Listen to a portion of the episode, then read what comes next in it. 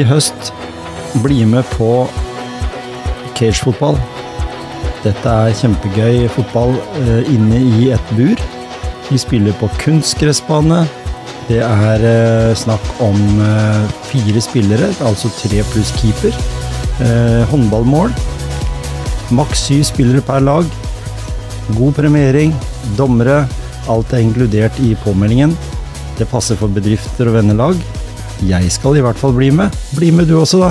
Gå inn på cagegrenland.no og les mer om Grenlandsligaen.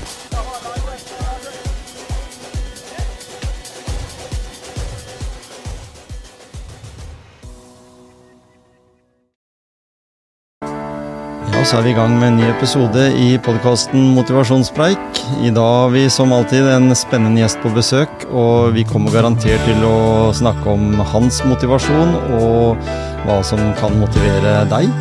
Velkommen til Motivasjonspreik.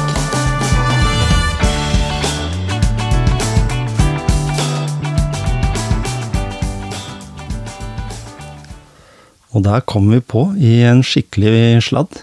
Ja, Det må jeg jo si til deg, Kim Rikard Olsen, fordi du er jo litt opptatt av bil. eh, litt over gjennomsnittet kanskje. Ja, Har vel hatt noe med bil å gjøre i all min levetid. Siden du fikk lappen, eller kanskje før det òg. Før det òg. Fikk det vel inn med morsmelka, tror jeg. Ja. Jeg tror jeg var tre år første gangen jeg ble satt i et motorrom med en fast nøkkel for det pappa måtte mekke på noe. Såpass, ja. Og du er 72-modell. Ja, Eh, Hvilken bil var det som ble solgt mest av i 72, tror du, her i Norge? Jeg vet ikke, kanskje Skoda eller noe sånt? Det, var, det ble solgt mye boble, men faktisk Volvo 140. Ja, jeg regna nesten med. Ja, Den var liksom klassikeren her siden det var kort vei til Sverige, sikkert. Ja. Men bobla sånn på verdensbasis var jo den som ble solgt mest der, da. Ja, og det var boble jeg var oppfostra på. Ikke sant? Og det var jo to Vel, 73 var vel sånn siste registrerte produksjon av det, i hvert fall for, for, for i denne sida av jordkloden. Ja. Så har det jo produsert eh, fram til 2003. Ja, i Sør-Afrika. Ja. Mm. Hvor, mange, hvor mange tror du det har vært eh, produsert av bobla? Bare for å ta en liten quiz. Jeg leste om det en eller annen gang, det var helt enorme tall. Jeg husker ikke. Over 21 millioner. Ja, det var det. Ja.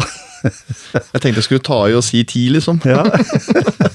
Men faktisk så er det jo sånn da at eh, Volkswagen Du er jo glad i Volkswagen uh, sjøl, eller du kjører i hvert fall det innimellom. Ja Og da. dere har bygd bil på det, vet jeg. Bygde en Passat en gang, da. Ja, og jeg vet at Et dårlig Gol- veddemål. Ja, og jeg vet at Golf kom jo inn fra 74, og etter det så er det jo solgt nesten like mye Golf på verdensbasis som det var boble, da. Ja, jeg har en sånn artig e-postadresse med Golf i. Golf Ja. Ikke sant? Nei, jeg husker den der eh, Passaten dere hadde. Ja, Den eh, sjokkerte spennende. den på, på banen i Danmark, husker jeg den ene gangen. Ja, det var mange som var overraska over at det faktisk kunne gå an å få en 1,9 diesel til å bli tøff. Ja, ikke sant? Og den, var jo, den så jo veldig sånn standard ut òg når den kom ut på brennebanen, var det ikke så det het? Jo. Men eh, fortell litt om eh, Kim, da. Eh, Vokste opp Vokste opp litt i Porsgrunn, i Hovenga. mm, Starta livet der, i blokkene i, i Hovenga. Ja. Og så flytta vi til Kleiva rundt 1980. mm, Og der uh, fikk jeg en fin oppvekst. Ja. Både byliv og bondeliv. Ikke sant? Mm. Og det har blitt forandring, fordi fra 72 oppover så har det jo blitt bygd ut en del. Så i dag så, så er det jo sånn som vi snakka om her når du kom, at eh, det er viktig å bo på rette sida, og, og der det er liksom litt eh, komfort, da. Ja. Eh, og, og ikke kort vei eller ikke så lang vei til ting. Det er sant. Og det er jo Du bor jo sjøl nå i sånn gangavstand til, til kjøpe eller butikk, og så bo, i litt kjøreavstand til byen, og så er det Ja, det er veldig enkelt. Vi har det veldig enkelt å bo på Grottamoen. Ja, ikke sant? Mm. Og jeg som bor på Gjemse, da. Ja, Var akkurat på grensa. det er akkurat Mellom eh, det. Det går. Ja, naboveien her, vet du, det er grensa til Gråten. Ja, Så jeg bor på Gjemsø-sida, jeg da. stemmer. Så er Gråten og Gråtenmoen. Jeg syns jo det er helt toppers. Veldig fint sted, og veldig fint sted for barna å vokse opp. Mm. Du har jo fritidsparken, du har skoler i nærheten, og du har på en måte mye aktiviteter du kan bruke fritida di på. Mm. Du sier det at du skrudde mye bil allerede fra du fikk din første eh, sånn fastnøkkel i handa når du var tre år. Mm. Eh, hvordan har oppveksten din vært? Det var veldig bra. Jeg har uh, hatt en pappa som har jobba veldig mye i industrien. Eh, og så har jeg hatt en mamma som har vært veldig mye hjemme, fordi de har stort sett alltid vært involvert i barnevern og hatt en del barnevernsbarn hjemme. Ja. Så det har jo vært en rik opplevelse å ta med seg videre når du, når du har, eh, har eh, litt andre perspektiver i livet. Ja, ikke sant? Og, du, og du var vant til å ha andre mennesker rundt deg, altså andre barn, ungdom og sånn, så du vokste liksom opp med personer som normalt sett eh, hadde mer utfordringer enn det du kanskje hadde sjøl, eller? Ja, det gjorde jeg. Og huset har alltid vært åpent. Ja. Både for venner og alle som har hatt behov av å kunne komme og være en del av hjemmet hos oss. Ikke sant? Mm. Og når du da sjøl bygger opp en familie, så fant jeg vel ut at du Nå har vi jo, kunne jo tatt med mye mellom her, da, men allikevel, hvis vi sier at eh, du gifta deg i 2001, og det, det var jo samtidig med kronprisen. Ja, vi klarte å treffe samme dagen, faktisk. Og så fikk vi en datter på samme dagen som de fikk barn. Ja, ikke sant? Grunnen til at, grunnen til at jeg syntes det var litt interessant, det var jo fordi de blei observert, eh, de to, eh, på eh, Joker på Så det, skulle på, kjørte nedom der på vei til Kragerø, liksom. Ja, ikke Nei, til Kristiansand, mener jeg. Ja, det er jo litt kult. Jeg syns det er fint at de tar seg tid til å reise rundt, og at de i tillegg er såpass rause at de tar seg tid til en prat. Ja, ikke sant? Og det er sånn jeg tenker med eh, Jeg snakka med kona om det her i dag til morgenen, og så sier jeg at det er jo ikke noen andre kongefamilier i verden som, kunne, som du kunne møtt som skal kjøpe is på Joker, liksom. Inne på en, en butikk som bare opp mest om sommeren, i hvert fall. Sånn i utgangspunktet. Jeg tror vi nordmenn er litt sånn. Ja. Eh, Det er vel en grunn til at alle utenlandske stjerner og sånn nå syns det er bra å være i Norge. De får lov å være i fred, de får lov til å på en måte ha privatliv selv om de er kjendiser. Det Mm. er klart, De vil jo alltid oppleve å få skrive autografer og sånne ting. Men allikevel så tror jeg vi nordmenn er veldig flinke til å ivareta privatliv, andres privatliv, da. Mm. Og, og når vi snakker om det med å, å da gjøre sånne ting, altså du sier det at du er gift, da, dere gifta dere, eh, du gifta deg med Anette, og så fikk dere første barnet da samtidig med Mette-Marit. Ja, Eh, Det er og- andre barnet. Andre, mener jeg. Ja. ja. Også, men allikevel da, så har du jo smitta noen i familien, de med bilinteressen. Ja, det er vi. Jeg har jo en sønn som Han hadde vel null interesse for, for bil fram til han var tolv år. Ja. Eh, Det sto veldig mye tøffe biler i gårdsplassen, og alle kompisene hans var veldig opptatt av å komme hjem til oss og se på biler og få lov å sitte i de og være med på kjøreturer og sånne ting. Mm. Han hadde egentlig ingen interesse av det. Nei. Før han plutselig da kommer opp trappa og sier at 'pappa, jeg har kjøpt meg driftebil, den står i Danmark, den må vi hente til uka'. Oi. Da, da starta en ny epoke i livet mitt. Ja. Eh, Jeg hadde ikke mulighet til å reise ned med han, men han ordna og styra og fikk en kompis av meg til å reise ned og kjøpe en bil der nede som vi pussa opp sammen. Og første bilen vi bygde sammen. Mm. Så begynte han å kjøre sjøl, drifting. Ja. Lærte den harde veien. Eh, Starta jo egentlig da fra han var 13 år. Og har hatt mange biler oppimellom som vi har bygd og jobba med. Eh, Rakk å bli norgesmester i drifting junior i 2015. ja. Da fikk vi en helt ny bil av Hyundai som vi kunne gjøre hva vi ville med. De hadde ingen, vi hadde ingen forpliktelse for det, annet enn at de håpa å se bilen på banen, og at eh, han kanskje kunne få lov å sitte på han som var eh, sjef for, for eh, Hyundai Norge den gangen. Ja, ja. Tre og en halv måned etterpå så sto den bilen klar på Rudskogen og kunne kjøres. ja. Det var hardt arbeid fra begge to og alle venner og kjente. Mm. Men vi klarte det, og fikk veldig mye tilbakemeldinger på at det var eh, positivt. Mm. Vi sleit med den bilen. altså det, det var, det, var, Den, den ble jo bygd om fra forhjulstrekk til bakhjulstrekk. Masse teknisk som ikke virka som det skulle den første og andre sesongen. Uh, ære være André at ikke han ga opp, rett og slett. Ja, ja. Uh, for det var tungt å se at han gikk fra å være helt på topp til å ligge nedpå lista, liksom. Mm. Uh, og vi snakka vel mange ganger om var det feil det vi gjorde. Men så var det sånn Vi fikk veldig mye medieoppmerksomhet da, som ikke du hadde fått med den andre bilen som var konkurransedyktig. For det, Ja. den, den var bare én i mengden. ja, ikke sant? Så alt i alt så har vi hatt en fantastisk historie de åra fra 2015-14 og fram til nå, egentlig. Og gjort veldig mye endringer på ting, fått ting til å virke. Nå for øh, ja, to, ja, forrige helg, var det det. Så de var på gatebil aleine for første gang sånn, og ordna alt sjøl. Pappa fikk ikke lov til å blande seg, eller han har ikke orka å blande seg. Nei. Uh, han har fått med seg et team som han har bygd opp sjøl. Han har prata med sponsere sjøl og reiste bortover. Og fikk en niendeplass blant 185 biler som stilte til start der inne. med Ja. Og det er jo verdens beste sjåfører der. Det var liksom fire Formel D-sjåfører der. Ja, så kara han seg til en niendeplass der inne. Det er jo helt rått. Ja. Det, gir, det varmer pappahjertet. Det vil jeg tro. Da, da får du noe igjen for det du har lagt ned av arbeid. Og han har jo sikkert gått i samme gradene på det med å ha en pappa som er interessert, eller litt sånn over normalt interessert òg. Nå har jo vi treffes en del, blant annet så har vi vært i Danmark noen Ja. ganger på disse, eller i noen år. DHB og litt. DHB. Ja. Og jeg vet jo hvor, hvordan det miljøet som kommer rundt det For jeg sier jo at den enkelte miljøer her i verden er jo sånn at det, det er veldig konkurranse, og ingen snakker med noen, og det er liksom Ja, vil ikke være noe kompis med noen. Ne.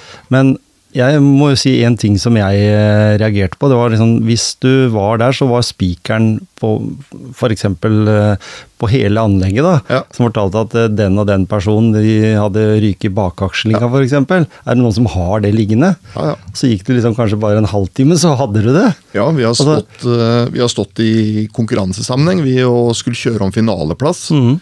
Og hjelpa den vi skal møte for å kunne treffe den. Vi kunne vinne bare ved å latt være. Ja. Men eh, hele driftingmiljøet er veldig opptatt av og er bygd opp rundt det med samhold. Ja? Eh, Alle skal hjelpe hverandre, alle skal prøve så godt de kan å få dette til å fungere for alle. og Det er, liksom, det er mye moroere å møte en motstander og vinne på en verdig måte, mm.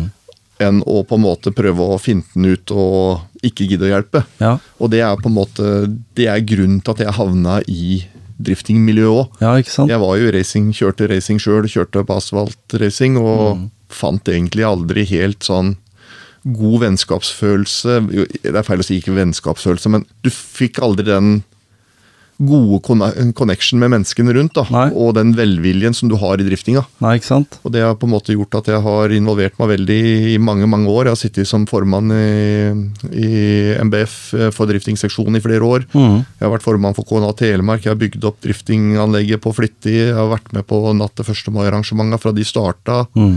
og gjort veldig mye som på en måte gir eh, glede Mm. i andre enden. Du gidder ikke å holde på med dette hvis ikke det er noe som drar deg. Og driftinga er veldig fin motorsport. Mm. Det er veldig publikumsvennlig.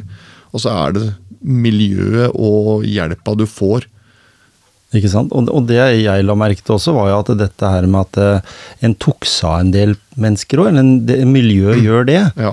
Man, personer som du kanskje også treffer igjen i en sånn innerste kjerne av en supporterklubb i Odd, f.eks. Ja. Noen som sier til Hvis du ble spurt i media, da, så ville sagt at dette er livet mitt. Ja, Jeg er på jobb, og det er veldig ålreit. Jeg tjener de pengene jeg skal gjøre, jobben min, men når jeg ikke er på jobb, så har jeg det. Og det, det virker litt som at driftingmiljøet var det. Altså Alle bretta på armene for å på, bli med. De tok ut feriedagene sine for, å- for å være med på, på, på turer og sånn. Og det, det så i hvert fall jeg, da, som var der som, som pleier, egentlig. Mm. Med en som sitter i, i, i rullestol, som du har vært veldig engasjert for. ja. Eh, og, og sånn, og da Og han eh, satte jo utrolig pris på det å få være med på det. Det var liksom Det var, den viktigste, det var nesten viktigere enn å leve. ja det, det, er, vi er der, sant? faktisk. Og Og, det- det, det, det er på en måte Jeg tror nok eh, mange sier at liksom Hvorfor har du giddet giddet gjort så mye for eh, den personen? Jeg, men den personen gir meg veldig mye tilbake. Ja. Eh, Det er nok noe av grunnen til at jeg har et pågangsmot, og den føler den drivkrafta jeg gjør. da. Mm. Når du ser at er mennesker som sitter og på en måte ikke har mulighet til noen ting, kan få så glede av å få være med på en sånn ting, Mm. så blir det noe du faktisk brenner for sjøl Ja. også. Ikke sant? Du ser stjernen i øynene. Ja, Det er litt ja. den der. Så det blir en, eh, blir en sånn avhengighetsskapende greie, egentlig. Det blir en sånn drivkraft i deg, i hvert fall, som gjør at du på en måte syns dette er noe som er viktig å ta del i. Og så er det jo sånn, vi reiste jo, når du var med til Danmark, så var vi jo opptil 200 mennesker på tur. Ja. Det var jo aldri noe tull, det var Nei. alltid bare hyggelig. og det, Alle mennesker sto på og hjelpa til, og du så Det er ingen som detter utafor i det miljøet. Nei. Eh, Nemlig. På noen som helst måte. Og det spiller ingen rolle om du er med og har bil med deg, eller Mm. om du bare er med som publikum eller gir medhjelper, eller hva det er. Alle står på for én felles ting. Ja. Eh, Som du sier, går det noe i stykket, så er jo alle på og hjelper. Mm. Og der skal du ha ære, du, da, fordi jeg har jo vært med nedover som du ikke har vært med òg. Ja. Og merka jo veldig stor forskjell på han, at, at det miljøet var på en måte ikke der. Det ble liksom litt mer sånn rastløshet og litt sånn farting fra det ene og til det andre. og Ja. Det var sånn hallo, liksom, men det var ikke sånn liksom tett innpå. Han, det var ikke på førsteplassen du blei satt, liksom. Nei. Eh, men sånn er det jo. Ja. Det, ting forandrer seg, og det er ikke alltid ting passer. Så, og sånn er det. Men så kommer vi dit at uh, ting ikke går helt på skinner for deg. Nei, det blei jo en uh, liten aha-opplevelse i livet. Jeg fylte 50 år og spøka med at uh, nå går det vel bare nedoverbakke etterpå. Ja. Og det, det gikk litt troll i jord der. ja. Det gjorde det. For det, du blei syk. Ble syk.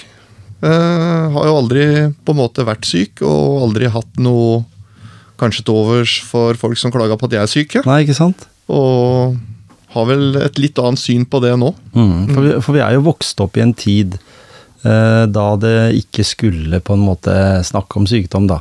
Vi skulle ikke si Nei, at du- eh, Du skulle i hvert fall ikke klage. Nei, hvis du mangla et arm eller en bein, da var det akseptert, liksom. Ja. Fordi det hadde jo tross alt enten var krigsskade eller, eller en arbeidsulykke. Men, men alt mulig annet Mm. som ikke en kunne se på person, Ja. det, det snakka vi ikke om. Nei. Og der har du vært litt sjøl òg.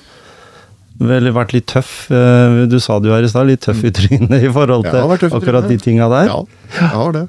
Men uh, Du har fått en litt Man lærer så lenge en lever, ikke Ja, ikke sant? Og der har du fått en litt annen innstilling på det. jeg har fått en veldig aha-opplevelse gjennom et år med, med mye tanker rundt eh, hvordan livet bare kan snu. og jeg har følt på både det med alvorlig hjertesykdom, jeg har følt på det med angst og de problemene som følger med i, kjølvannet av dette, som jeg på en måte egentlig aldri har tenkt på før. Jeg har ikke vært noen person som har verken slitt med angst eller noen ting. Men Nei.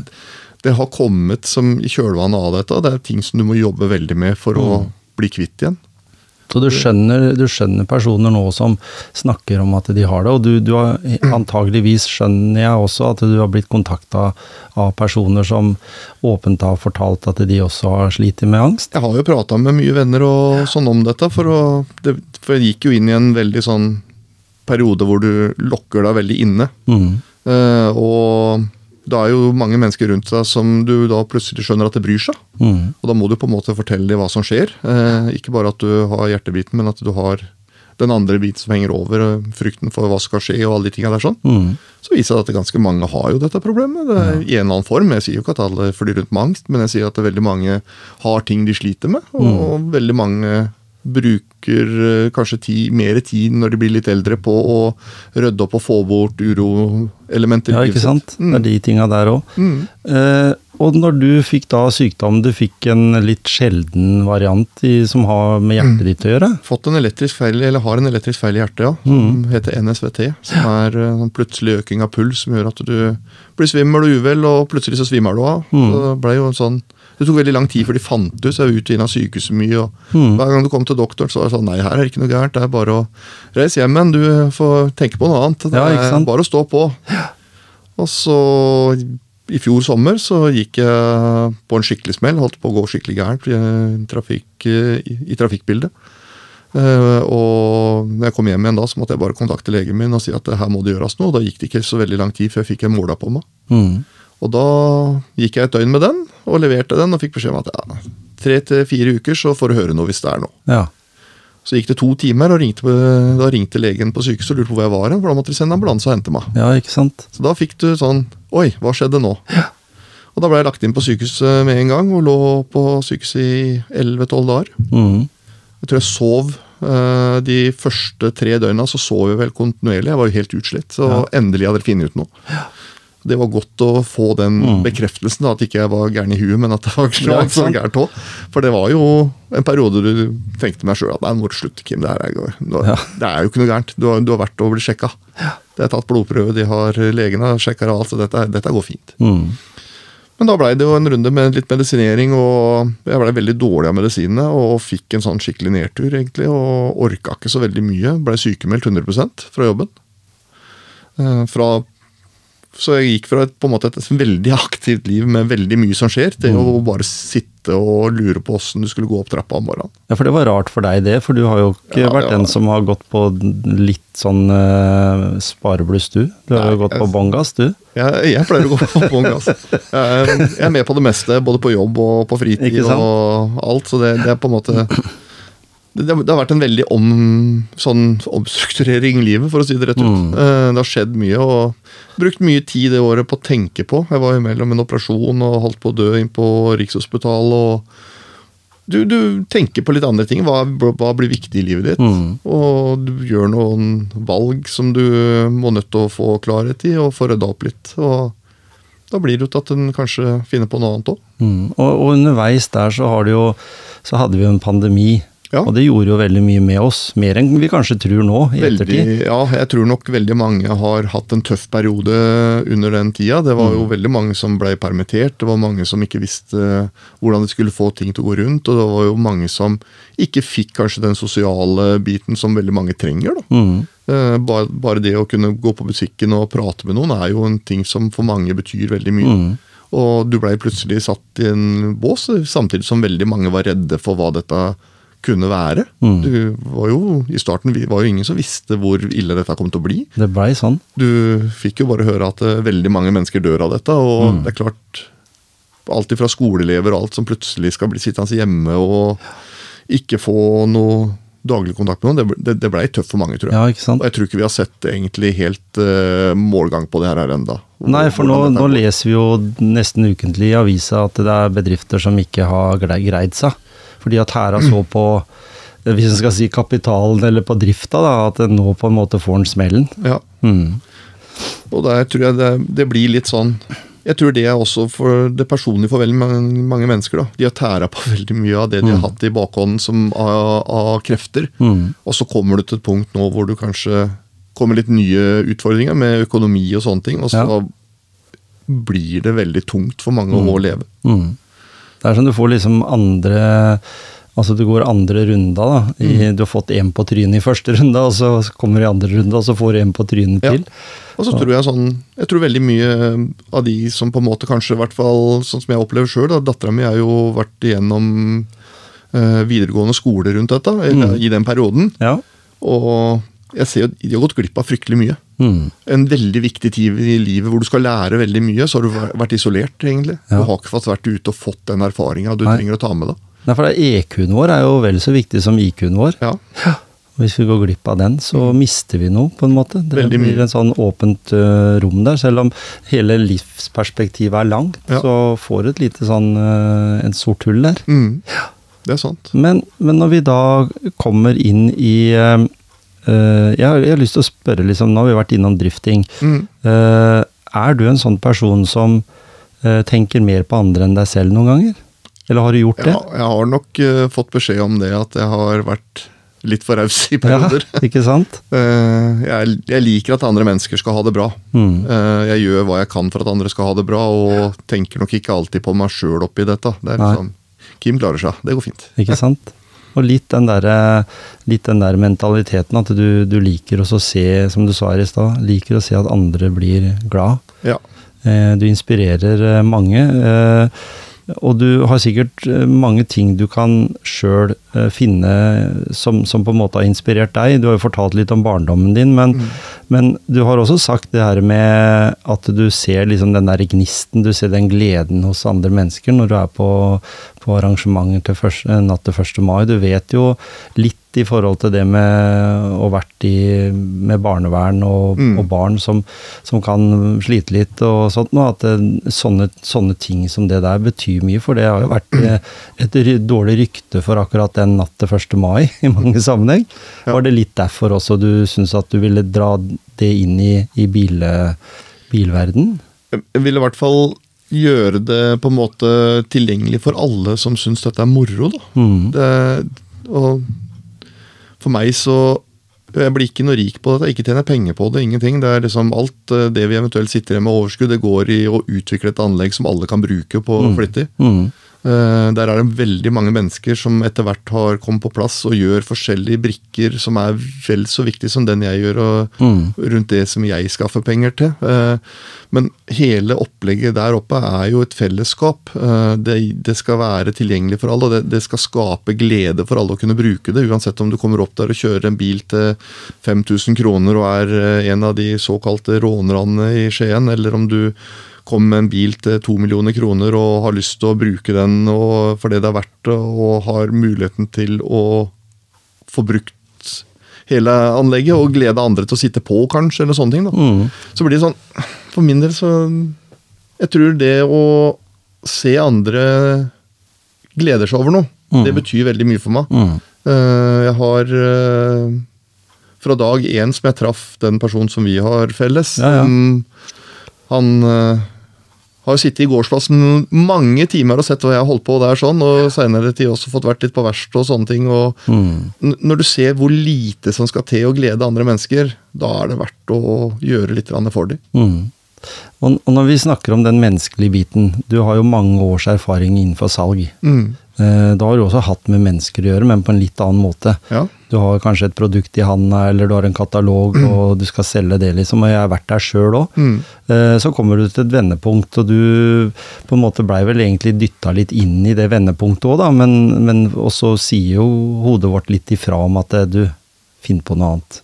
Ja, jeg kom til et punkt i livet hvor eh, kanskje ikke eh, den salgsbiten trigga det, de følelsene jeg hadde lyst til å ha i livet. Mm. Eh, jeg hadde lyst til å gjøre noe som betyr mer, at en kunne få på en måte hjelpe andre mennesker. Mm. Eh, enten om det er å hjelpe de på rett vei eh, ved å veilede, eller om du kan på en måte fysisk hjelpe de med noe fordi de trenger hjelp til å komme seg ut på en gåtur, eller hva det er. Mm. Alle de tingene jeg, jeg, jeg føler vel kanskje at det, det er litt sånn tøft å sitte og si det, men jeg følte meg veldig sårbar når jeg var uh, sjøl inn på Rikshospitalet. Jeg så den gleden jeg fikk eh, etter å ha ligget der inne i ganske mange dager opp mot jul, Mm. og blei fulgt ut eh, en tur. Da var det Den hjelpa jeg fikk med at den personen blei med ut, den, var, eh, den, den gjorde noe med meg. Ikke sant? Mm. Og det, og det gjør jo at en ser alltid et litt annet perspektiv. Jeg vil Ja. tro at familie og venner og sånt, nå så jo det at det, dette her var eh, hardt for Kim, da, som Mm. alltid har vært den som hadde stått øverst på perrongen og tatt imot, og så plutselig så ville du ikke være der. Ja. Det ble, sånn. det ble en greie. Ja. Men da måtte en jo snu litt på hodet, da, og så tenkte jeg at eh, ja, salg er salg, og det er moro, det, men eh, skal jeg inn i noe nytt nå, så tror jeg jeg har lyst til å prøve noe annet. Jeg har lyst til å følge den veien som på en måte gir meg mest glede, og det er å hjelpe mennesker. Mm. Og det har Der- du fått til nå? Ja, nå ble har kommet der. Helt tilfeldig. Eh, Egentlig så skulle jeg ikke begynne å jobbe engang, eh, for jeg har jo vært sykemeldt et år og lå over et år, 14 måneder. Og er vel ikke, var vel ikke helt klar for å møte arbeidslivet enda. Nei? Eh, Men så dukka det opp en mulighet som jeg så på som veldig positiv, og som på en måte blir en eh, samfunns... eh, Eller hva skal jeg si? En viktig ting for samfunnet å ta tak i. Mm. Det fins veldig mye ressurser i, innenfor det jeg skal begynne å jobbe med nå. Det, I forhold til dette med innvandring og mennesker som kommer til Norge for å, å få søke trygghet. Mm. Eh, men de sitter også på veldig mye kompetanse og mye, trygg, mye arbeidskraft og, Ja. og arbeidsvilje. Ikke sant? Eh, største barriera vi har der, er jo språket. Og Mm. det er jo der jeg kom inn i bildet nå, med at jeg skal faktisk holde, være med på å bygge opp et språklig kursopplegg. Mm.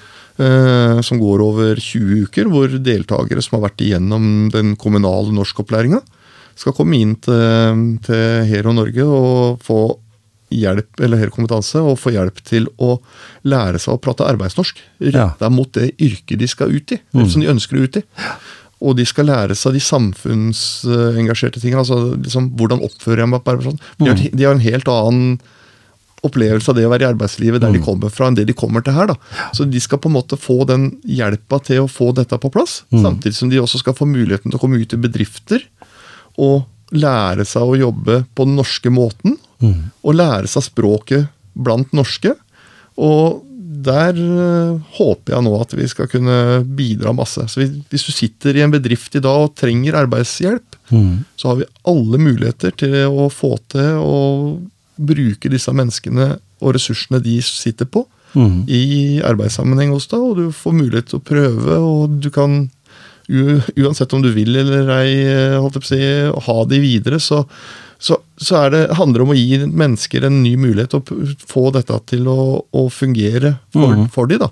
Så om du sitter og har mulighet til å ha de på en arbeidsplass i en måned eller to, så de kan komme inn og prøve å lære litt, og samtidig kunne ha de i jobb, så er det en fin greie. og Er det sånn at du syns dette fungerer bra, så kan du også ansette de. Og få til og med støtte av Nav til å ha de i jobb, så de kommer i gang. Og dette her er en sånn koordineringsjobb som du vil være en del av? Ja, jeg skal jo på en måte være bindeledd. Først og fremst nå så har jeg jo den jobben som går på det å tilrettelegge og få på plass alle disse kontorene. Jeg har to måneder på meg til å skaffe fem kontorer som skal romme alt fra kaffekopper til møbler til PC-er, og alt skal fungere. Eh, som kursvirksomhet med oppstart 4.9. Ja. Så det ble en veldig hektisk eh, start, men en veldig morsom start. Eh, positiv stress, kaller jeg det. Ja. Det, er, det er negativ stress, og så står det positiv stress. Mm. Det negative det prøver vi å styre langt unna, og det positive det må vi bare ha mer av. Ja, for- når vi snakker om den balansegangen der Vi er jo alltid utsatt for kanskje begge deler, Ja. veldig ofte. Eh, hvor, hvor tenker du at, eh, med din erfaring, hvor grensa går? I det øyeblikket du kjenner at uh, du blir ukomfortabel, Mm. da er det negativ stress. Ja. Føler jeg. Og og også da når du utsetter kroppen over, over lang tid Ja. for stress? Ja. Og det er nok altfor mange mennesker, og innebefatte meg sjøl. Jeg burde sikkert tatt det valget her for lenge siden. Mm. Og gjøre en endring i livet. Ehm, og en skal ikke være redd for å gjøre det. Eh, jeg satt jo når jeg ble syk og tenkte å nå skjer det så mye rart, nå, hva skal jeg gjøre nå, liksom? Mm. Men alle brikker detter på plass. Eh, når jeg sa opp den andre jobben, så visste jeg ikke at jeg, jeg hadde noen ny jobb. Nei, ikke sant? Men jeg sa den opp fordi at jeg så at jeg hadde ikke noe mulighet til å gå tilbake der. Jeg gikk over på arbeidsavklaringspenger og skulle på en måte bare bli frisk. Mm. Og så får du en telefon egentlig med et spørsmål om kjenner du noen som kunne passa til en sånn type jobb. Og så er det det er jo meg, det. Ja. Så, så liksom måtte jeg gå en runde med meg sjøl, og så tenkte jeg ja, det kan ikke være så mye negativ stress i det at ikke jeg kan takle det. Nei, ikke sant? Og hvis det er sånn, så får jeg heller gå tilbake på arbeidsavklaringspengene. Ja. Det, det, er, ikke i min natur å sitte hjemme og vente på at uh, noe skal skje. Det, det må skje noe. Og når, du- og når du snakker om den negative stressen nå, så er det jo forska mye på det hva stress gjør med oss. da. Mm. Uh, og de sier jo det at det å, å være utsatt for mye stress over lang tid, det er som å røyke. Mm.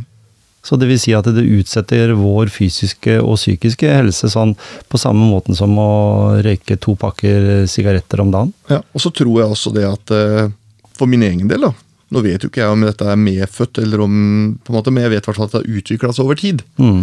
Og no, en del av det negative stresset i livet mitt føler jeg at det har vært med å påvirke at dette kanskje har utvikla seg. Mm. Men om det stemmer ikke, det vet jeg og så er det kanskje litt sånn som vi var inne på her eh, i stad, at eh, vi blir eldre og vi får mer eh, muligheten Vi får kanskje noen flere evner til å tenke over livet. Mm. Og du har jo sett det i perspektiv. Du har jo ligget der og, og mer eller mindre vært død. Så du, du får nok sikkert eh, også helt andre bilder og, og visualisere litt på en litt annen måte enn det du ville gjort hvis ikke du hadde vært utsatt for det. Mm.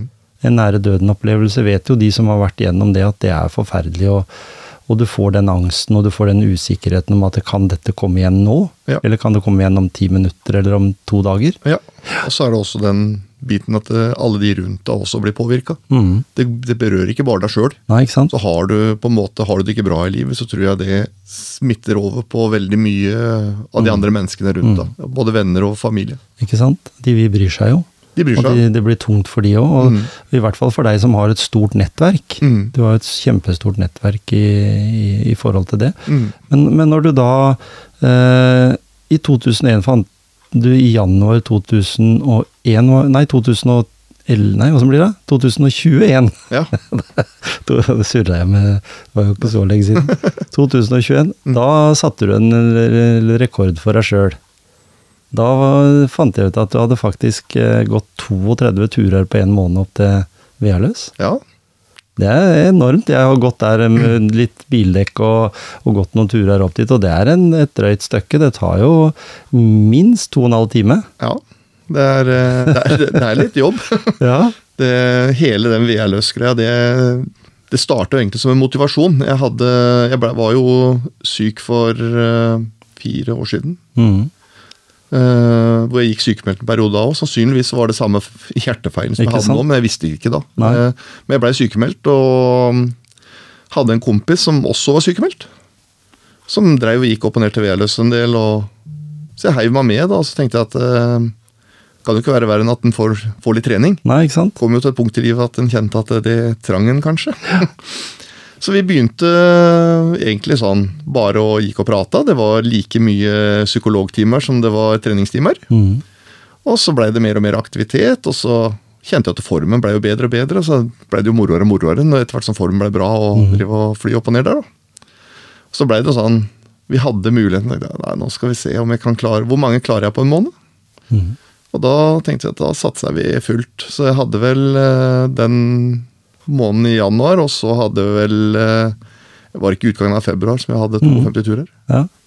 Som er på en måte målet, da. Da blei det jo Husker jeg ikke hvor mange turer, det var 160 tror jeg, noe sånt, vi fikk på et år. Det er vilt. Så, men det er, mange som har, det er faktisk flere som har flere turer opp der enn det. altså. Det er, så det er mange spreke mennesker der. Ja, men, Men men for min del så ble det sånn Det ble en sånn basill. Du, Ja. du, klar, du, du ble egentlig uvel hvis ikke du hadde vært der oppe ennå. Mm. Så ble det sånn prøve kroppen litt. Så den ene dagen jeg hadde fem turer på én dag. liksom. Det var, men allikevel så var det like pigg når jeg kom hjem. liksom. Men det, men det er noen som har den fascinasjonen, og den, den, det er en slags medisin. Noen går til Fjæringen i Porsgrunn, og andre går til eh, oppe i Fantekjerringkollen. Ja. Det er mange sånne Topper. plasser, topper som det går til. da. Mm. Eh, hva vil du si at er, er ikke det viktig? Å ha noen sånne ting? Det er ikke noe, det er ikke noe mani, Nei. men det er bare det at Og eh, det, det blir en mani til en periode. Eh, det gjør det. Ja, ja, men jeg eh, husker faktisk når jeg, jeg var et, en gang et år som vi var oppe på speidertur oppe i Åndalsnes. ja. Og i disse Kompani Lauritzen-tider, da når jeg liksom spilte inn i Åndalsnes, Ja. så var det opp til den toppen som de da går én tur på der. Ja. Eh, der var det en dame, en sykepleier, som hadde vært eh, antageligvis sykemeldt, for det må det jo være. Hun hadde jo hatt over 360 turer Ja. opp dit. Ja. Så, det, så det var jo liksom Og det, ja, vi gikk opp der, vi. Og det er ganske bra stigning. Det? Eh, og det er nesten verre å gå ned igjen. ja. Kjenner de knærne når du blir eldre. Ikke sant? Men, men allikevel, da. Nå jobber du med mennesker som har møte møter på ganske store utfordringer ved å komme til Norge. Norge er jo et land som, som vi tror det er veldig lett for alle å leve i. Mm. Men det er jo ikke det. Det er ikke det. Eh, Det er ikke lett for alle nordmenn. og det, Når du på en måte begynner å prate med en del av disse menneskene, så skjønner du at eh, det kan ikke være lett å være eh, fra et annet land og komme inn her og skal tilpasse seg heller. Nei. Og veldig mange av de sliter jo akkurat med det som på en måte er det viktigste. da, Å ha et språk å kommunisere med. Mm.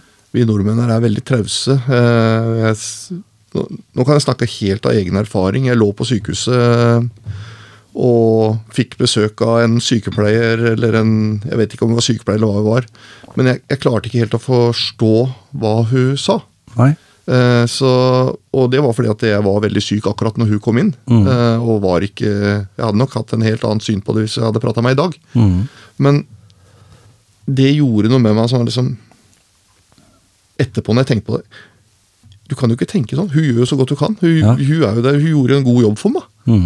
Og så tenker jeg, hvor, hvor lite er det som skal til egentlig for kanskje at disse menneskene kunne fått litt mer eh, aksept da, til å kunne få lov til å prøve å trene og prate. Mm. Jeg tror mange er redd for å begynne å prate eh, fordi at de har ikke den, den velviljen. Når de kommer på butikken, så er det vant Hæ, hva er det du sa for noe nå? liksom? Det, Mm. det, det, vi, må, vi må på en måte åpne oss litt mer og godta at eh, de er litt dårligere i språk i en periode. For de vil bare bli bedre. Ja. Og, og vi er jo litt sånn i Norge, da, så, så setter vi ofte de til de jobbene vi helt sjøl ikke har lyst til å ha. For Ja. de må jo ta jo jobb, og de, det er jo ikke noe som sier at de er eh, arbeidssky. De har jo vanvittig eh, De, har de, er- helt rå på Ja, jobb. ikke sant? Bare de får lov til å prøve seg. Og komme, de har en helt annen arbeidskultur enn vi har. Og det er jo ting som vi absolutt trenger i Norge. Og Vi, vi, er jo, vi mangler ressurser på alt. Ja. Bare se helsevesenet. Tenk å fått inn veldig mange av disse menneskene. De har opplevd, eller de er oppvokst med å ta vare på hverandre på en helt annen måte enn vi har. De har en helt annen holdning til det, hvordan syke mennesker skal bli behandla. Og de, de har en omsorgsevne som på en måte de er oppfostra med, som ikke vi er vant til. Med å ta vare på foreldrene og besteforeldrene og alt. ja. Det finnes så mye ressurser der. Det hadde jo vært fantastisk å fått disse inn i helsevesenet. Mm, og så I tillegg så har de vært igjennom kanskje traumatiske opplevelser, så de vet en- litt også hvordan det er. For hvis du med den rette kompetansen kan videreformidle da hvordan det er å, å ha utfordringer, da. Ja, Eh, og, og ikke minst det som jeg er veldig opptatt av i motivasjonspreik, det er jo dette med mestring, da. Ja. Den følelsen av det å mestre noe. Ja. Og, og jeg må jo si det at jeg jobber jo på sykehuset, og, og vi har jo pasienter som kommer inn som har bodd i Norge i 40 år og ikke kan snakke norsk. Ja. Som, som vi, vi, de kan ikke engelsk engang. Nei. De har ikke hatt behov for å være utafor husets fire vegger, nesten. Eller, eller de er i stort sett i sitt miljø, da. Ja. Og det er jo klart at det er kanskje en dårlig formel Norge har. At du gir dem kanskje et kortvarig opplæringskurs på norsk, Mm. og så lærer du å si ja og takk og nei og de enkle der, og så lærer du ikke noe mer. Nei. Der stopper det. Og det kurset vi har satt i gang nå, er jo mynta akkurat på det du sier der. Mm. Og dette er noe Nav har gleda seg til å få i gang. Nav er veldig positive nå. De skaffer deltakere, de gjør en kjempejobb. Og dette er en mulighet som har kommet, eh, som har vært etterspurt. Nå har Mm. vi kjørt et pilotprosjekt i Skien i ett år. Ja. Og de deltakerne som har vært på kurset der, er eh, jeg tror det var 67% av de er ute i jobb nå. Eller egenfinansiert utdanning. Det vil si at da er det ikke noe belastning lenger for samfunnet Nei. eh, i forhold til skattepenger og alt den biten der. sånn. Mm. Og det er jo veldig bra. Ja. og der ser du hvor viktig det å få disse ut, og få de inkludert i en bedrift, Mm. er altså. Og det, og det gjelder ikke bare innvandrere, det gjelder alle mennesker. Mm. Det fins veldig mange norske òg som sitter og tror at ikke de er nyttige. Ja. Men de har jo så mye å by på. Mm. Vi, vi, du kan ta en person som er glad i å sitte og spille, kanskje han er 20 år og aldri hatt noe livserfaring, og så sitter han og så kommer han inn i, må han inn i et, uh, en ny hverdag fordi at uh, han trenger penger. Han har ikke, har ikke penger. Og så må han gå på Nav og så prøve å få seg en jobb, og så er det jo ingenting der som faller i god jord for han. Nei. Og så kommer han inn i et system så han får litt grann hjelp, litt push. Mm.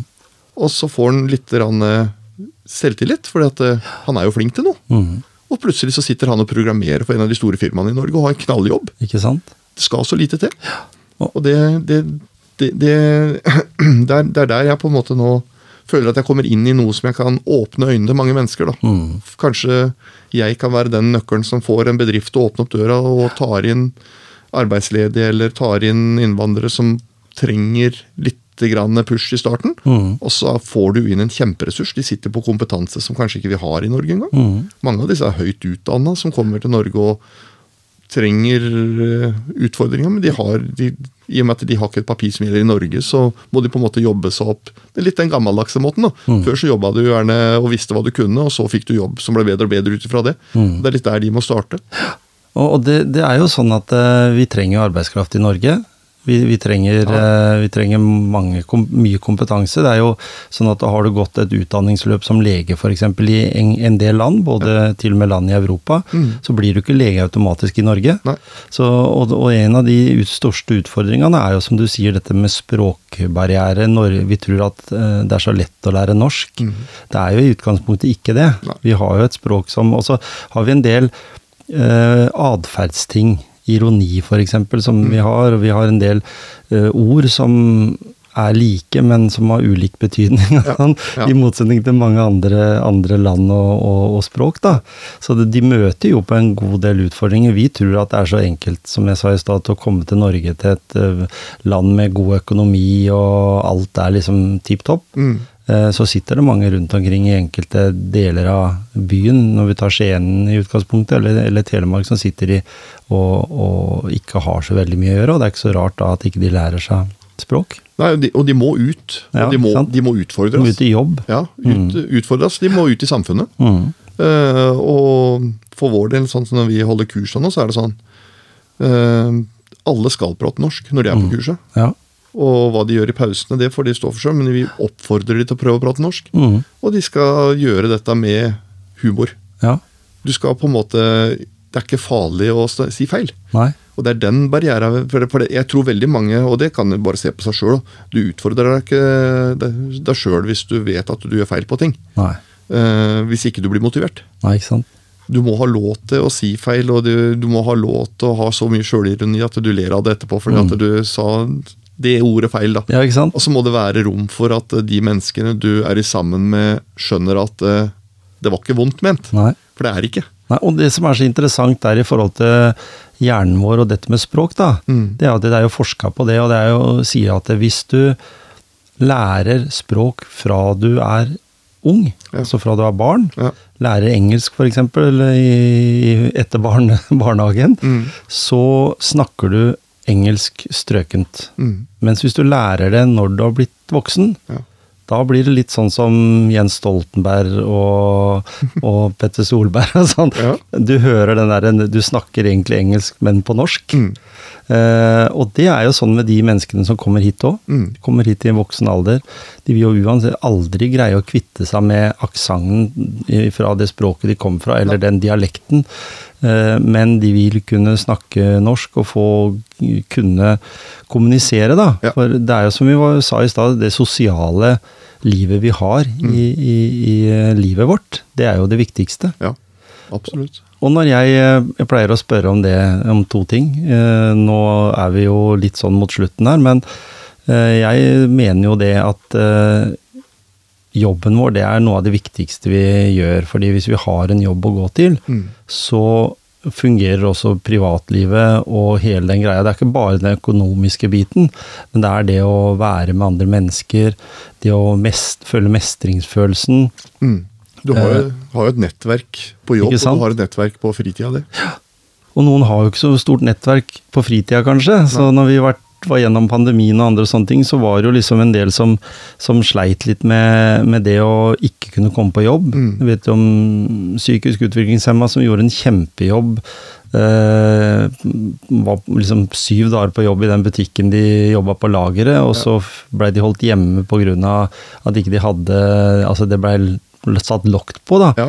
Og de mista jo helt fotfestet. Ja. De greide jo ikke å komme Og veldig vanskelig å komme tilbake når den tida var. De, kan, de fungerer ikke sånn, hodene deres, at du kan skru av og på på en bryter, sånn som du kan gjøre for, for oss andre, da. Mm. Mm. Jeg tror allikevel mange sliter, eh, også normale mennesker, sliter Ja? På, på, på grunnlag av det som vi har vært imellom. Ikke sant? Mm. Så en ting her å ta tak i.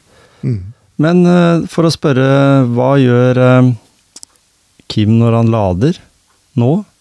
Du har kanskje lada på en litt annen måte før, men hvordan gjør du det i dag? Jeg bruker tid på tur, faktisk, sammen med kona mi. Ja. Det er eh, toppturer, det er gåturer, det er hytta på fjellet, mm. eh, reising. Det er eh, alle de små tinga som gir opplevelser, som på en måte teller. teller. Mm, Teller de opplevelsene mer nå for deg enn før du blei syk, eller var det det at du bare gjør det mye betyr- mer nå? Nei, det betyr mye mer nå. Det gjør det. Mm. det er nå, nå på en måte skjønner en at uh, livet er veldig sårbart. Jeg var Ja. jo Oppi alt det jeg har vært imellom, så mista jeg jo Mens jeg var syk, så har jo også pappa gått gjennom en sykdom og dødd. Ikke sant? Så det ble en, på en måte en ekstra sak ved siden av som du så hvor sårbart og det er sånn, Jeg har sagt i mange år, jeg har mista et par kamerater mellom at det, det er nå vi må leve, liksom. Mm. Men den biten har nok blitt veldig mye mer forsterka nå. Ja. Pappa de jobba jo til de var 70 år og stått på som var det. og så Mm. var jo nå de skulle begynne å leve sammen og reise og gjøre alt det de hadde lyst til å gjøre. Så de har spart verdier til hele livet sitt. liksom. Mm. Og så sitter mamma igjen og har ikke mulighet til å gjøre noen ting. Nei. Ja, Hun kan jo gjøre ting, da, men eh, liksom, hun har ikke pappa der. Nei, ikke sant? Og det, det sammen med min egen bit har gjort at jeg Nei, jeg tror uh, Kim har litt andre verdier i livet sitt nå enn han hadde for et år siden. Ikke sant? Og så er det bare det ene livet vi har. Den, eh, den klokka den Ja. tikker ganske, ganske fort, sett i, i det store perspektiv. Og, og jeg hadde jo Jeg også mista faren min i romjula, og, og har jo snakka om det på podkasten før, men jeg tenker at det, det gjør noe med det. Vi, vi, jeg husker det var masse jeg hadde med å gjøre med han. Mm. Eh, Han var syk og, i nesten tiårsperiode, og jeg organiserte veldig mye rundt hans hverdag. da. Eh, og tenkte at eh, sånn i starten var, var skikkelig sliten sjøl òg på det. Og så mister du den, og så går han bort, og så får du et savn. Det gjør det. Jeg tenker litt på alle de tinga, selv om ikke vi hadde veldig mye sånn i oppveksten og sånn, for han var jo en sånn arbeidspappa da, som var mye på jobb. Samme som min pappa. Ja, ikke sant? Men du savner liksom de der hy- ålreite øyeblikka, da. Mm. Turene vi hadde med familien, og du sa Altså, de tinga der. Og det, det gjør nok mer Hadde jeg, vi mist, jeg mista mora mi da jeg var 21, så det er mange år siden. Men allikevel, da så har du ikke så mange minner å se tilbake på, men nå har du et helt voksent Ja. liv? Som du har fulgt opp. Så det er noe rart med det der å miste mennesker som er sterkt til- tilknytta, og, og familie. Ja. Så jeg tror nok hele familien har på en måte endra veldig syn på ting. Jeg merker et helt annet samhold i familien nå etter at jeg var sjuk sjøl og Ja, ja. pappa skjedde. Så det er klart vi har nok fått uh, veldig annet syn på verdiene, hva som er viktig. Mm. Det er liksom Før så var uh, alt dreide seg om bil. Ja, ikke sant? Det gjør ikke det lenger nå. nå dreier det, seg, det, er, er viktigere å kunne komme på hytta en tur og slappe av med familien der, enn å, å sette i gang andre ting. Men så er det også viktig å ha de andre tinga å gjøre. Jeg ser jo det er viktig å begynne å planlegge neste års natt til 1. mai. Gjøre liksom Mm. de tinga som jeg kan henge med på, da, som gir meg gleder. Men du kan bli hjemme fra et gatebil eh, eller en eh, greie på Rudskogen, liksom. Ja, og Siste gang òg, så klarte guttene og jentene seg sjøl. Det var en sånn rar følelse. Jeg, jeg må si, jeg, jeg sneik meg bort der en tur på lørdagen. Ja, ja. Og det var, det var en fryd å se hvordan de hadde organisert alt, fått alt, og liksom se at de klarer seg helt uten pappa. Ja, ikke sant? Det var en deilig følelse òg. Ja, det er et resultat av den jobben du har gjort. Helt klart. Og jeg hadde jo deg med i boka mi som jeg ga ut i 2015, og jeg har lyst til å eh, ta et eh, livsmotto som du hadde med der, Ja. sånn på slutten. Gjør det selv, eh, eh, så blir det gjort, og du har ingen andre å skylde på enn om det går galt. Det var, det var, jeg tenkte, så satt jeg sånn og kikka litt på det, så tenkte jeg liksom at eh, Du har jo sikkert gått gærent noen ganger, men, men jeg tenker at det, eh, Du har jo også i det andre Du hadde flere med, faktisk. Om drømmen om hva du ønsker å gjennomføre, ikke skremmer deg. Er den ikke stor nok? ja. Det er litt sånn offensive der, er, eh, Ville du sagt at du har annet, et annet livsmote i dag?